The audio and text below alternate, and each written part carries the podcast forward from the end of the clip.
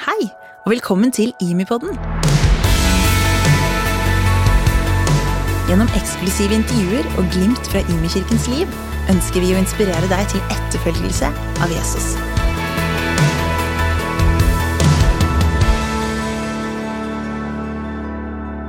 Hei og velkommen til uh, tredje utgave av Imipodden. Det er akkurat uh, vært uh, påske her, og i går sto jeg på scenen i Imi og proklamerte at nå kommer våren. og i dag kikker jeg ut vinduet og ser at det snør. Så sånn starter vi våren i Stavanger. Men Imipodden ruller videre med i dag en spennende utgave med Intervju med Egil Svartdal, eh, kjent fra TV, men også en god venn av IMI. Spennende vitnesbyrd, og du skal få høre litt om Åpen himmel sommerfestival. Men akkurat nå så sitter jeg her med Ole Bjørn, som eh, leder Join, vårt ungdomsarbeid. Og Ole Bjørn, eh, du er i gang med å pakke kofferten. Hva er det som skjer til helga? Til helga så reiser vi med ca. 30 konfirmanter og en 10-12 ledere til London for å være en weekend der. Reiser på torsdag, hjem igjen på eh, mandag, og det ser jeg veldig fram til. Så eh, 40-50 stykk unge mennesker på tur sammen til London. Hvorfor i all verden eh, gjør dere det? Det er jo litt bedre vær, så det er litt eh, Nei, det er eh, det er noe annerledes med å kunne reise vekk. Man får muligheten til å bli litt bedre kjent. Man får litt mer fokus på undervisningen. Og man får oppleve ny by. Mm. Og så er det, For mange så er det en, en gulrot for å være med i konfirmantarbeidet på IMI. er jo den London-turen. De snakker om det hele året, og det er noe de gleder seg til, konfirmantene. Så, eh, og det er noe vi ledere gleder oss til. Mm. Det, men det er noe eget med å bare reise vekk og få lov til å mm. connecte sammen. Og så lurer jeg veldig på hvordan håndterer du eh, 30-40 konfirmanter på eh, undergrunnen i London? ja, det er, det er jo et eh, regnestykke som skal gå opp. Men eh, man går i reisegrupper. Fire og fire sammen. Og så eh, har det hendt for en eh, fem, eh, fem, år siden at det var ei som ikke kom med på tuben, som ble stående igjen. Eh, men det gikk bra, da. Så eh, det har, det har skjedd én gang. Men ellers har det faktisk gått veldig greit. Og vi har vært opp mot 60 stykk mm. som har reist sammen, og det har gått bra. Så det, det har ikke vært noen store problemer, egentlig. Men det høres jo voldsomt ut, da. Fantastisk. Du, eh, vi er så glad for konfirmantarbeidet konfirmantarbeid her i menigheten. Blitt en stor gjeng, og hvert år nydelige historier om unge mennesker som eh, tar nye steg i forholdet til Jesus. Så heier på dere og ber om at også undergrunnsturene må gå bra. Med det så skal vi fortsette denne utgaven av podden. Du skal få møte Egil Svartdal. Intervjuet er gjort online, og det betyr at Kanskje vil du legge merke til det på noen punkter eh, i forhold til lydkvalitet, men det skal være helt mulig å høre, og jeg håper du har glede av det.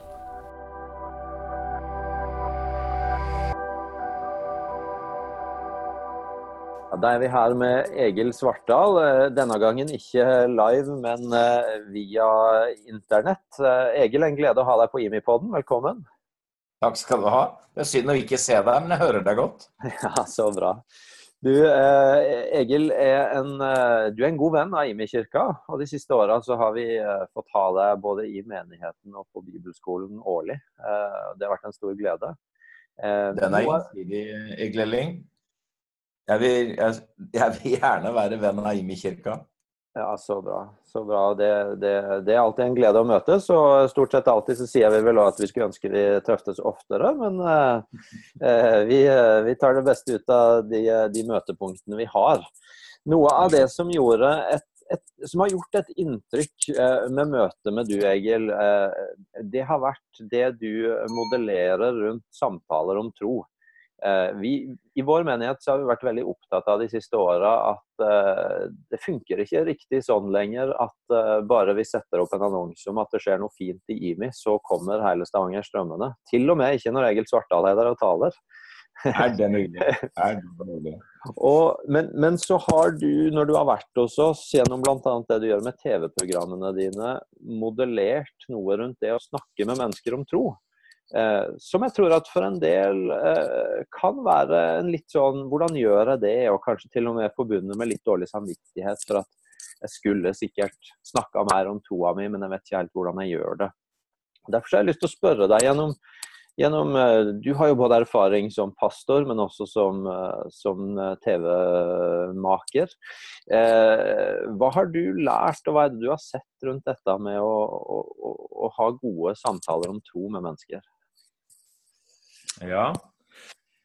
Jeg har jo først litt sånn grunnleggende tenkt på samtalen som kommunikasjonsform.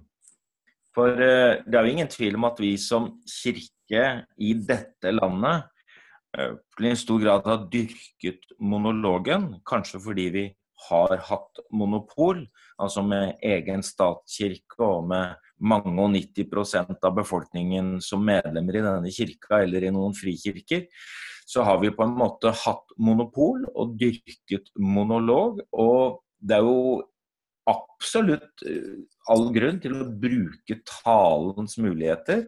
Og det gjør vi jo for fullt på gudstjenester og møter, som foregår stort sett i kristne eh, hus og i kirker, ikke sant. Og da er det allikevel bare sånn mellom 3 og 5 av befolkningen vår som går på gudstjenester og hører disse talene. Og da er det jo nesten helt opplagt at hvis flere mennesker skal få del i å høre evangeliet om Jesus, så må det formidles gjennom andre kanaler enn gjennom taler. Eller iallfall i tillegg til talene i møter og gudstjenester. Og da er jo samtalen en av de virkelig store mulighetene. Altså ikke bare monolog, men også dialog. Ikke bare tale, men samtale. Og jeg ser jo at Jesus ikke bare reiser rundt og taler på store folkemøter, og at det bare er referat fra taler han holder i synagoger, men at det er veldig mange referat fra samtaler han både har med enkeltmennesker og mindre grupper. Og noe av de tingene vi er aller mest glad i, er jo noe Jesus har sagt til ett menneske eller til en liten gruppe. Vi ser at Paulus og de andre som følger i Jesu fotspor, gjør det samme. De taler når det er mulighet, og når det er den beste kommunikasjonsformen. Men når den muligheten ikke er til stede, så bruker de samtalen. Og jeg har lest at uh, i antikkens Hellas så var det syv kunster. Og en av kunstene var talekunsten, altså monologen, enetalen. Og en av de andre kunstene var dialektikken, Eh, som handler om eh, dialogen eller samtalen. Så jeg har hatt et veldig ønske altså, om å lære meg ikke bare det å tale, for jeg vil veldig gjerne tale når jeg har sjans, men å prøve å lære meg å samtale. Og jeg syns vi skulle bruke mye mer tid på å trene på det. Ikke sant? Vi trener prester, og jeg har snakket om kommunikasjon på en høyskole denne uka. og framme, altså folk som skal bli forkynnere og predikanter og sånn. Men selv der valgte jeg å bruke et par timer om samtalen som mulighet. Det var et langt svar på et enkelt spørsmål. Jo, men dette er spennende, Egil. Eh, fordi at eh, jeg tenker jo at her ligger det jo også noe frigjørende. Eh, en del har investert mye i å bli flink på monologen, og kanskje er den der frykten for om jeg har nok å si, noe av det som kan holde folk tilbake. Men men i dialogen så er det kanskje ikke de forberedte punktene som er de viktigste, eller eh, er det det? Nei, de blir jo veldig forskjellige, de samtalene. er kanskje det som gjør de spennende òg. Jeg eh, har et slags utgangspunkt eh, som jeg liksom landet i for veldig mange år siden. Det er at hvert menneske jeg møter, har sin egen livshistorie. Og man bør ikke være rakettforsker for å komme fram akkurat til den konklusjonen. Men jeg syns det er spennende å lese bøker, og så syns jeg det er like spennende, eller vel så spennende, å lese mennesker. Og hvert menneske som jeg treffer, har altså en livshistorie. Hvorfor ble du du? Og hvordan ble du liksom formet, og hva var det som preger og preger deg? Eh, det betyr at jeg nesten aldri behøver å være redd for å møte et menneske og sitte sammen med et menneske som jeg ikke kjenner i tre eller fire timer. fordi jeg har ikke møtt et menneske enda som ikke er villig til å snakke om seg sjøl i timevis. Hvis, hvis, det bare møter en som er interessert. Og jeg tenker at det er litt grunnleggende da, for en god samtale. Det er jo at man er oppriktig nysgjerrig, interessert i det andre mennesket. det har en livshistorie.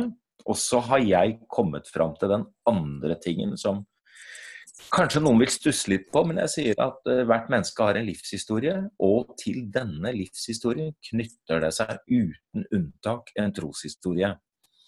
Og da sier jo noen at ja, men det er ikke alle som tror. Nei, men alle har stilt seg selv de samme spørsmålene.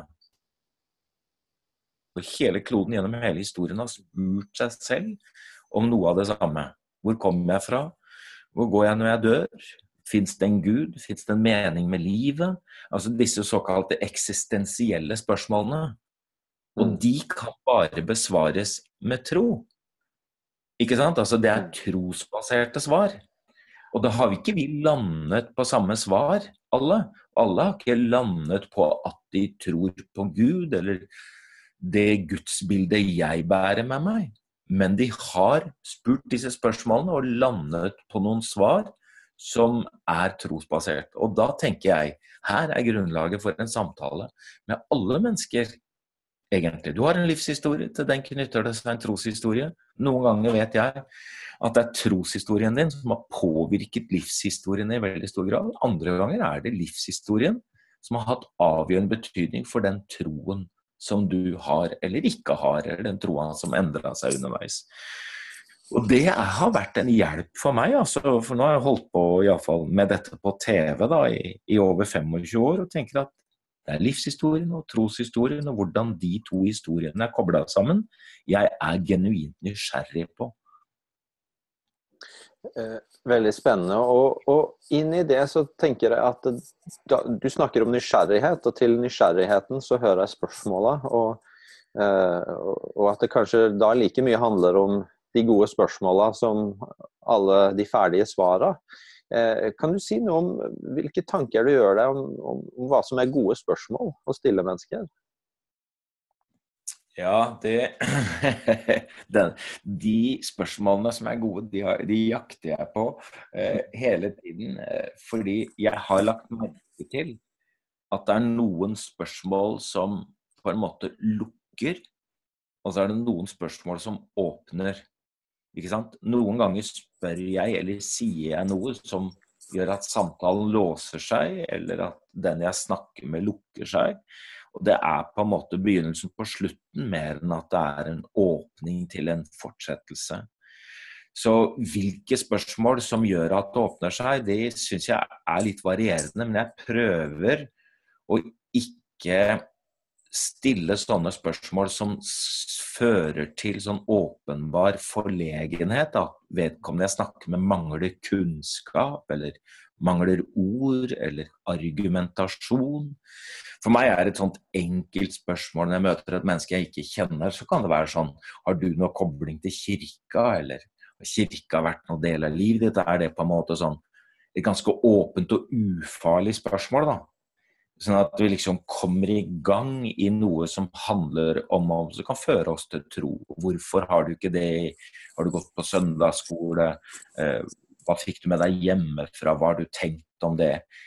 Litt sånne litt sånne åpne spørsmål. Jeg legger merke til eh, Philip i, i Apostlenes gjerninger. Han har jo fått en innskytelse fra Den hellige ånd at han skal prøve å holde seg nær denne vogna som er på vei fra, fra Jerusalem og nedover sørover mot Gaza. Og da stiller Philip et spørsmål til han som sitter oppi denne vogna, denne etiopiske finansmannen. Og da spør han forstår du det du leser. Uh, og så sier han nei, hvordan skal jeg kunne forstå det når ingen forklarer det for meg, sier denne hoffmannen. Og så inviterer han Philip opp i vogna. Og det er liksom den der invitasjonen til å komme nærmere, invitasjonen til å fortsette, det er jo den vi ønsker oss når vi fører gode samtaler. Så det å ikke føre folk til forlegenhet, heller ikke kanskje stille spørsmål som nødvendigvis legger opp til debatt, Eh, og så har jeg tenkt at hvis jeg er genuint nysgjerrig på et annet menneskes livs- og troshistorie, så er jeg ikke sendt ut for å korrigere den, eller for å sette karakterer på den og bli provosert av at du er ikke enig med meg. Og jeg tror ikke på den måten, og jeg syns du tar helt feil, liksom. Da, da, da, da, velger jeg i tilfelle å gå inn i en debatt eller diskusjon. Men eh, det der å prøve å holde munn og være nysgjerrig og la den andre få lov å være åpen, så er det jo veldig mange som syns at skal vi snakke om Gud, så får jeg snakke om det verste som har skjedd i livet mitt. Mm. Eh, så Det er ikke alltid mangel på ord og argumentasjon, men det er ofte noen vonde, også kanskje noe av det verste i livet som har hendt, som knytter seg til denne troshistorien. Og det må jeg ha respekt for. Mm. Du Egil, du sier, du sier, noe om det med å, å, å øve seg å holde munn. og jeg, hadde lyst til å spørre deg, jeg, vet ikke, Dette kan være et, et, en predikantutfordring, men det, men det, kan også ligge litt mer allment i den der opplevelsen av ansvar for å liksom også få sagt noe. Hvis jeg skal være litt ærlig, så har jo jeg, når jeg har hatt en del av disse samtalene her og prøvd å være lyttende og stille gode spørsmål og sånn, og så, og så øh, ha, kom, kommer det gjerne et svar som setter meg på tankene av, av, et fantastisk poeng jeg hadde i en av mine siste taler. Eh, og, så, uh, og, og, så, sitter jeg med og tenker med meg sjøl i etterkant Nei, der der eh, hoppa du kanskje inn og kapra en samtale som egentlig handla om en annen og noen andre. Eh, altså, Hvordan har du sjøl håndtert den altså, Du er jo en fantastisk predikant og har et arsenal av poenger, men hvordan håndterer du den balansen mellom lyttinga og når det eventuelt er tid for å si et eller annet, eller så inn en tanke eller et ord eller noe? Ja, det, det er også en sånn pågående læring. Jeg syns jeg fortsatt eh, både av og til lykkes, men, men også veldig ofte mislykkes. Og så er jeg så heldig da når det gjelder det som syns på TV, at jeg har jo folk som sitter og redigerer meg bort, eller prøver å få meg til å holde munn når det blir en endelig versjon. Mm. Men hvis jeg skal være frimodig på det, så er det vel også sånn at uh, noe av det jeg har fått mest ros for i programmene, er jo ikke hva jeg har sagt, men at jeg har klart å la være å si det. Mm eh, og, og, og, prøver å legge veldig sånn åpenbar interesse for hva den andre har å si, og at det å holde munn, prøve å holde igjen, at det er en viktig del av det. Iallfall hvis det skal være en, et menneske som ønsker å åpne seg og, og være fortrolig i en deling av en troshistorie og en livshistorie. Eh, men jeg, jeg kjenner det. Jeg, jeg, viser som regel et eksempel når jeg snakker om dette, fra en jeg møtte på, på, på, på et sted jeg jobba.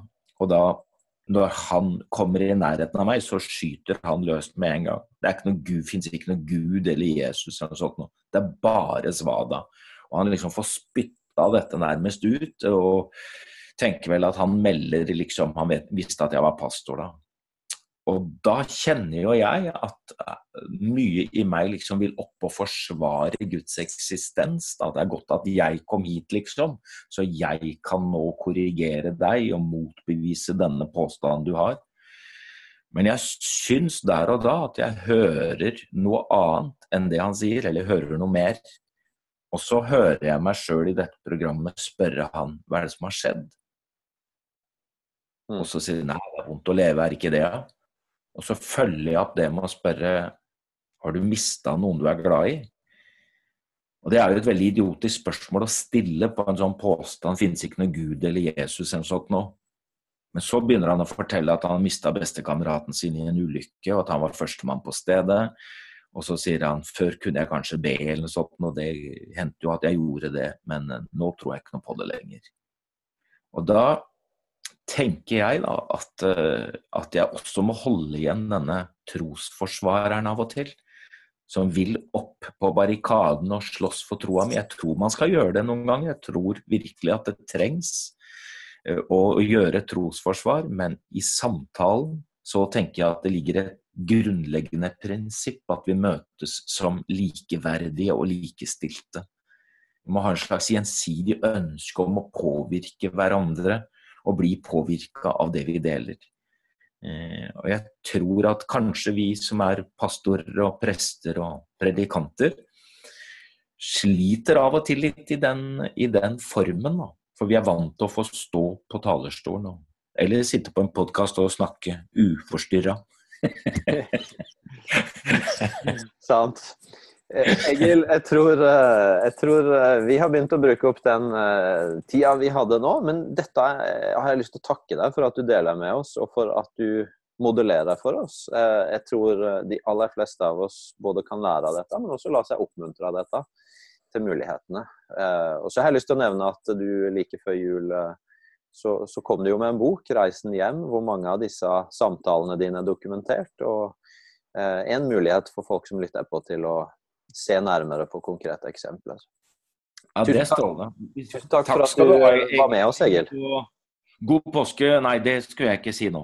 Beklager, for dette kommer etterpå.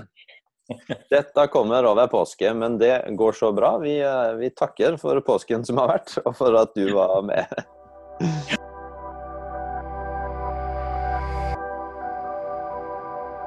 Det var Egil Svartdal og en eh, spennende samtale om det å snakke om tro med andre mennesker. Nå har vi lyst til å snakke litt om noe som eh, vi gleder oss veldig til. Fordi eh, sommeren nærmer seg, og vi skal til Grimstad i år igjen og ha Åpen himmel sommerfestival. Et stort høydepunkt for oss. Hvor ikke bare mennesker fra Imi-kirka, men også mange andre mennesker fra andre steder i landet kommer sammen til ei uke som handler om det å være familie sammen, om det å dele tro sammen og ha det kjekt i ei sommeruke på Sørlandet. Grimstad har vi skrytt av flere ganger eh, går for å være den byen i Norge med flest eh, soldøgn. Det har ikke vi merka så mye til ennå, men kanskje i år at vi får gleden av det.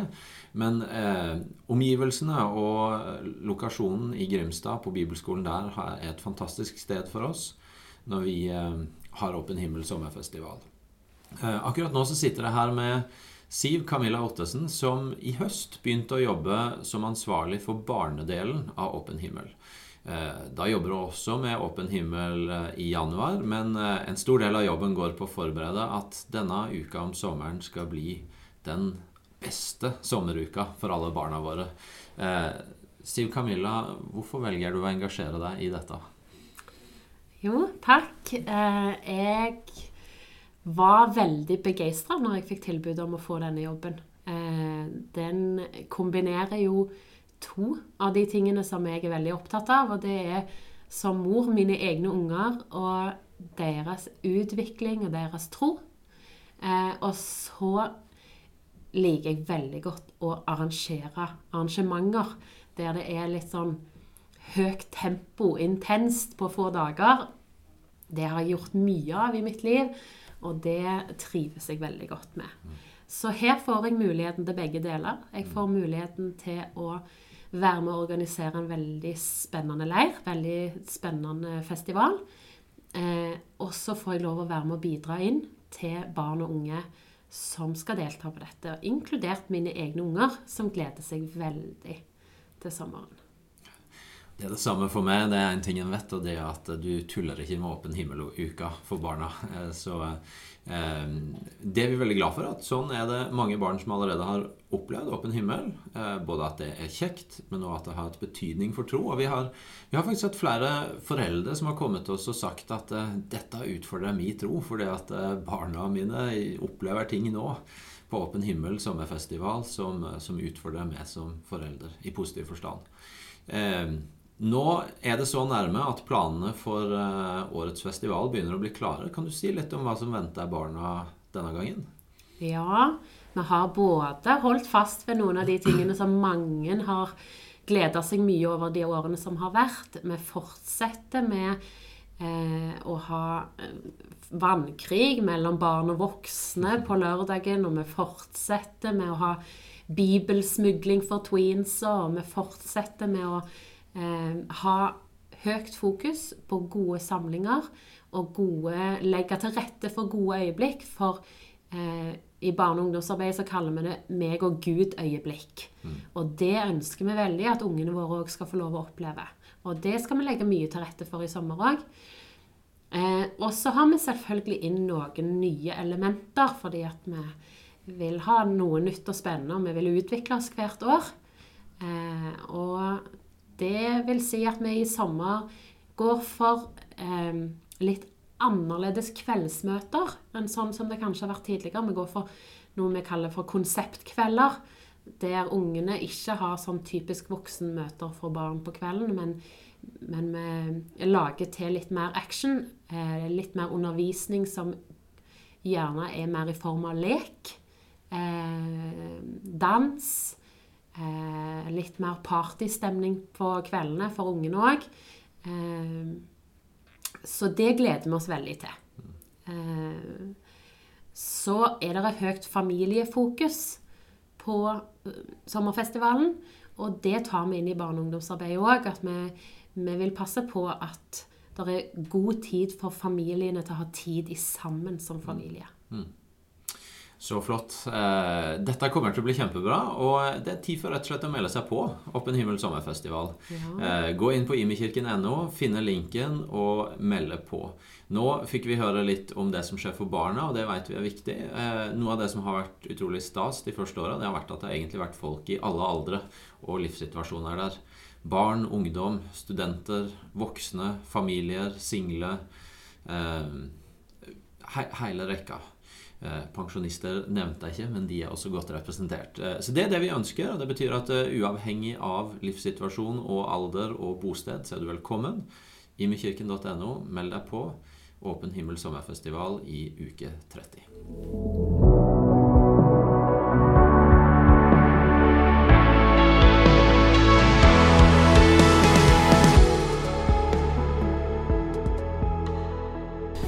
Vitnesbyrd er en viktig del av eh, IMI-kirkens liv og IMI-podden eh, og et fast innslag. Og nå sitter jeg med Siri Rasmussen, som eh, har vært med i IMI i mange år etter hvert, og en del av eldsterådet vårt eh, også. Og eh, Tidligere på podkasten snakka vi med Egil Svartdal om det med å få trossamtale med mennesker. Og Siri, der har du gjort noen erfaringer den siste tida. Fortell oss litt om det. Ja, altså jeg syns at uh, egentlig hele mitt voksenliv så har det vært vanskelig, uh, det med å dele tro. Snakke om troa mi til folk som ikke er kristne. Um, og kanskje ikke helt vil innrømme det verken for meg sjøl eller andre når det har vært mye snakk om det å dele tro. Um, men jeg har hatt, uh, hatt en erfaring, og det begynte i høst med at jeg jeg bestemte meg for eh, at jeg hadde lyst til å bli flinkere til det. Eh, og så har jeg vært veldig fascinert av disse programmene som Egil Svartdal har hatt eh, opp igjennom. Både 'Reisen hjem', 'Pasto på prøve' og 'Gudesønns konditori'.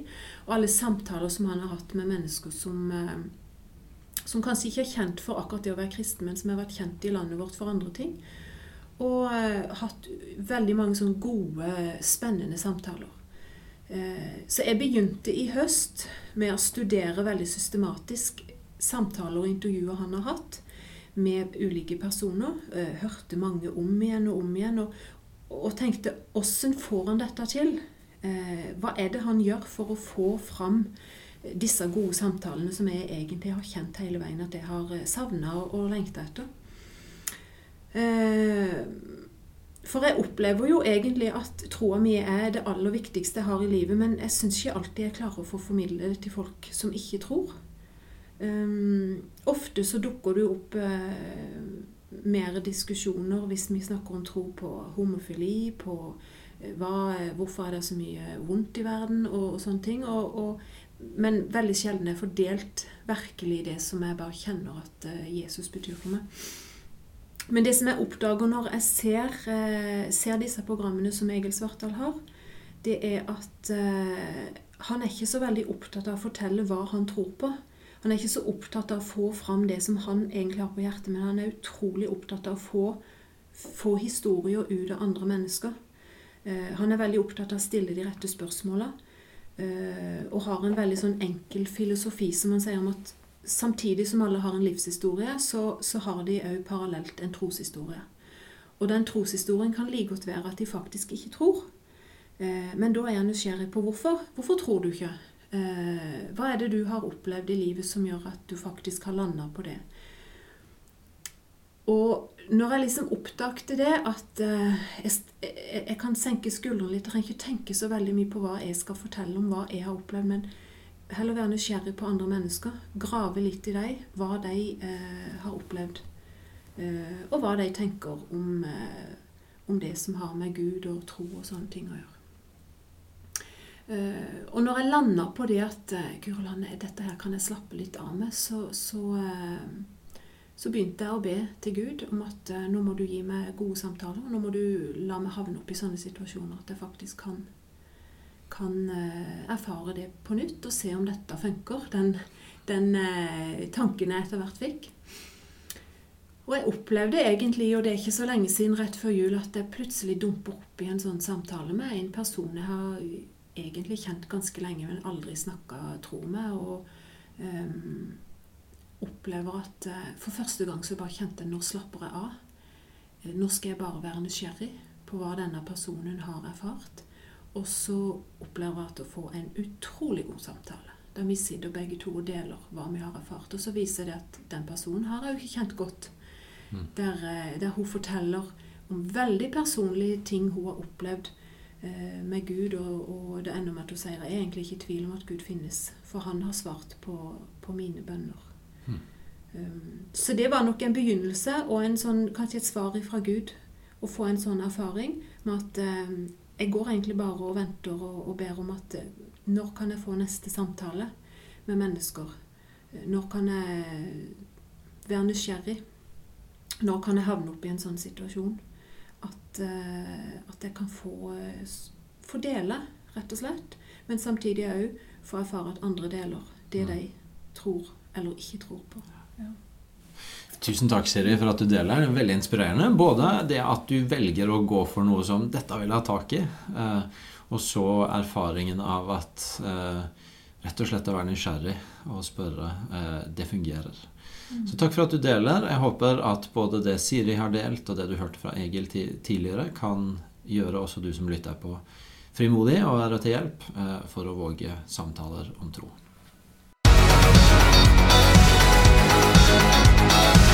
Yeah.